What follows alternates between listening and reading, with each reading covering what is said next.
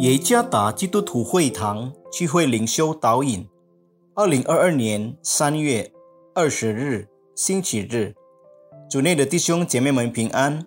今天的灵修导引，我们要借着圣经路加福音七章四十四到四十七节来思想今天的主题。我献上最好的。作者艾尔发传道。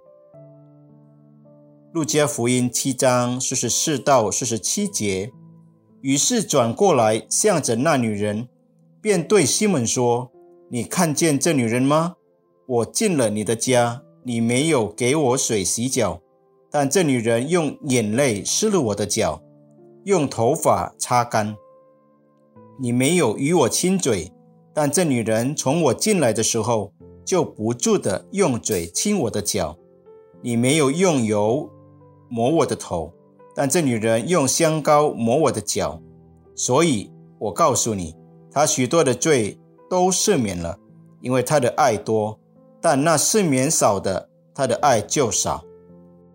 Sam Tyler 是一名吸毒者，与犯有谋杀案的罪犯。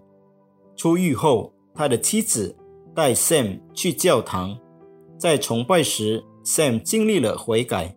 他就离开了他的那些充满犯罪的旧生活，他还卖掉了他的承包商业务，然后他离开去乌干达侍奉上帝，在那里，他为那些被称为上帝抵抗军的极端组织残暴的儿童服侍，他的侍奉一直持续到今天。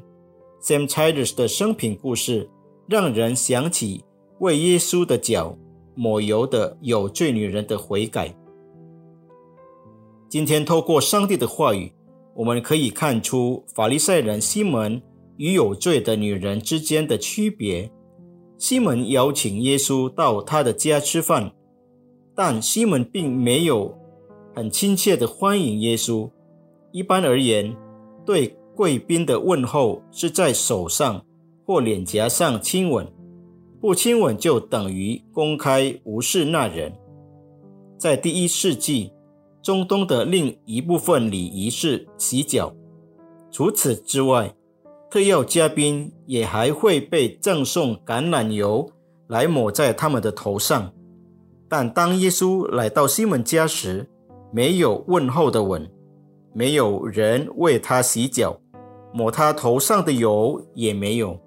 耶稣被无视。和蔑视，不像那个突然接近耶稣的有罪女人。那个女人用眼泪湿了耶稣的脚，用头发擦干。她用她的眼泪洗耶稣的脚，她也用了她的香膏抹耶稣的脚。是什么让这个有罪的女人为耶稣做最好的事呢？因为那个女人的罪已被赦免了。耶稣说，她许多的罪。都赦免了，因为他的爱多；但那赦免少的，他的爱就少。就像有罪的女人一样，我们作为上帝的儿女，也得到了罪的赦免。耶稣死在十字架上，为了救赎我们。耶稣已经给了我们最好的，罪债已被耶稣基督的死而完全偿清了。我们是否？以透过将最好的献给耶稣来表明我们对他的爱呢？爱不仅仅是一种感觉，而是一种行动。如果我们爱上帝，那么我们就将最好的献给上帝。最好的意思是将我们最好的时间、财富和精力都献给上帝。我们做了吗？爱不仅仅是一种感觉。而是一种行动。愿上帝赐福弟兄兄姐妹们。